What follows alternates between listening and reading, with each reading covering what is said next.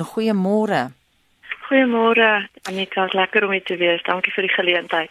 Jolande, wel ons hoop almal ons Maar ek wil nou aanhaal uit uh, wat ons bulletins vanoggend skryf en ek haal aan die SAIK kan geen waarborg gee dat hy vir die volgende 3 maande nog salarisse sal kan betaal asook personeel se 13de cheque nie. Jou kommentaar. Ja. Nee, ons beplanning is heeltemal soos wat dit elke ander maand is en sover dit my aangaan gaan die salarisse betaal word en ons beplan reeds vir die 13de cheque ook. So ons hoef nie daaroor te bekommer nie. Nee, nie sover ek weet nie. En nie gebaseer op dit wat ek nou weet nie. Jolande, daar was gister kritiek vanuit DA geleedere.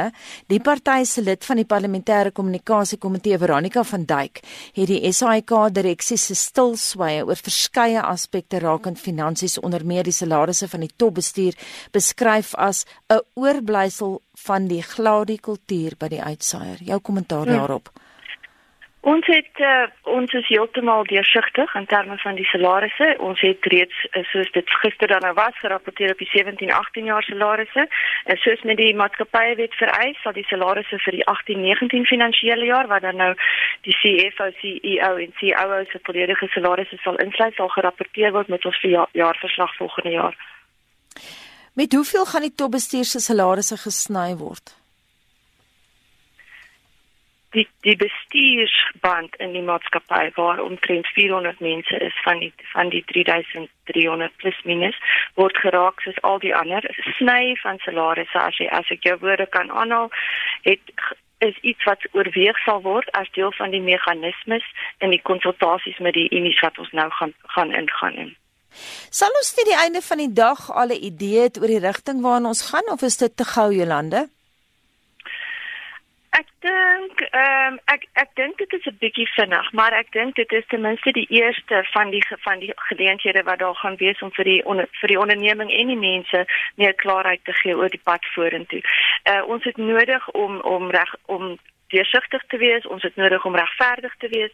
Dit begin met die konsultasie waar al die partye hulle voorstelle op die tafel kan lê en die tipe van goed wat bespreek gaan word of wat begin die gesprekke nou mee gaan word, is hoe vermy ons dit? Hoe verminder ons dit? Wat is die tydsberekening daarvan? Wat die redes is, jy weet, so soos wat die beplanning op hierdie stadium is, word daar tot 4 sulke konsultasie sessies beplan, maar hopelik vandag is die eerste van sy soort om te begin om almal 'n 'n rig idee van die rigting vorentoe te gee. As jy pas by ons aangesluit het, ons praat veraloggend met Jolandi van Bouillon, sy is die finansiële bestuurshoof by die SAIK. Jolande, ek wil net vir jou vra, ons het nou in die inleiding gesê die SAIK sê die huidige salarisrekening is onvolhoubaar hoog. Waarop staan dit, die syfer?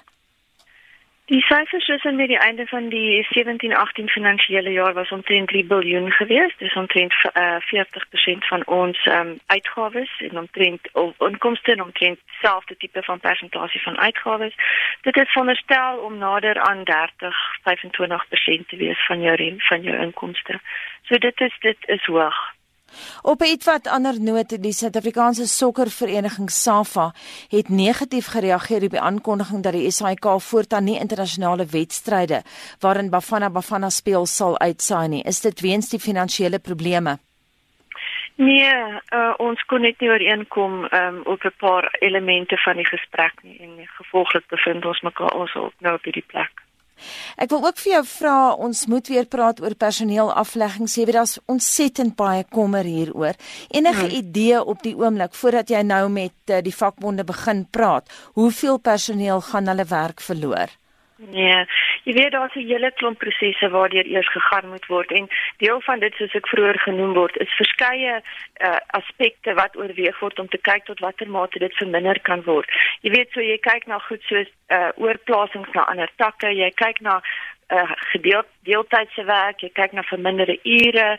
Dit so daar's 'n groot klomp elemente wat ons eers moet bespreek en wat deel gaan wees van die gesprekke tussen die unies en onsself uh, om te om seker te maak dat as ons éventueel uh, by die punt kom waar daar 'n lys met name is, is dit absoluut die minimum en totaal onvermydelik.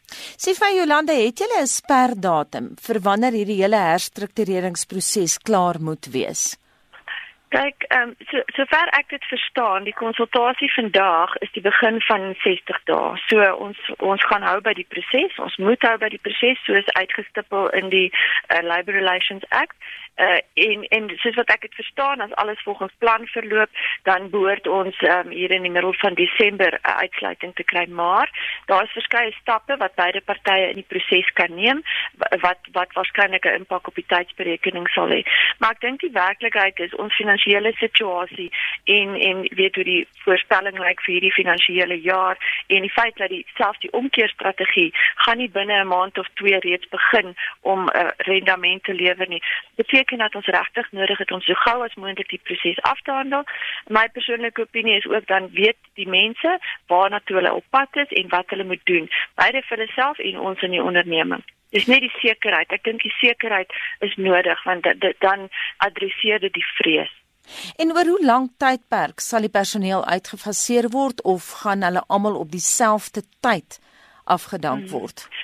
Dit is een van die aspekte wat bespreek gaan word soos ons in die konsultasies ingaan, die tydsberekening van dit.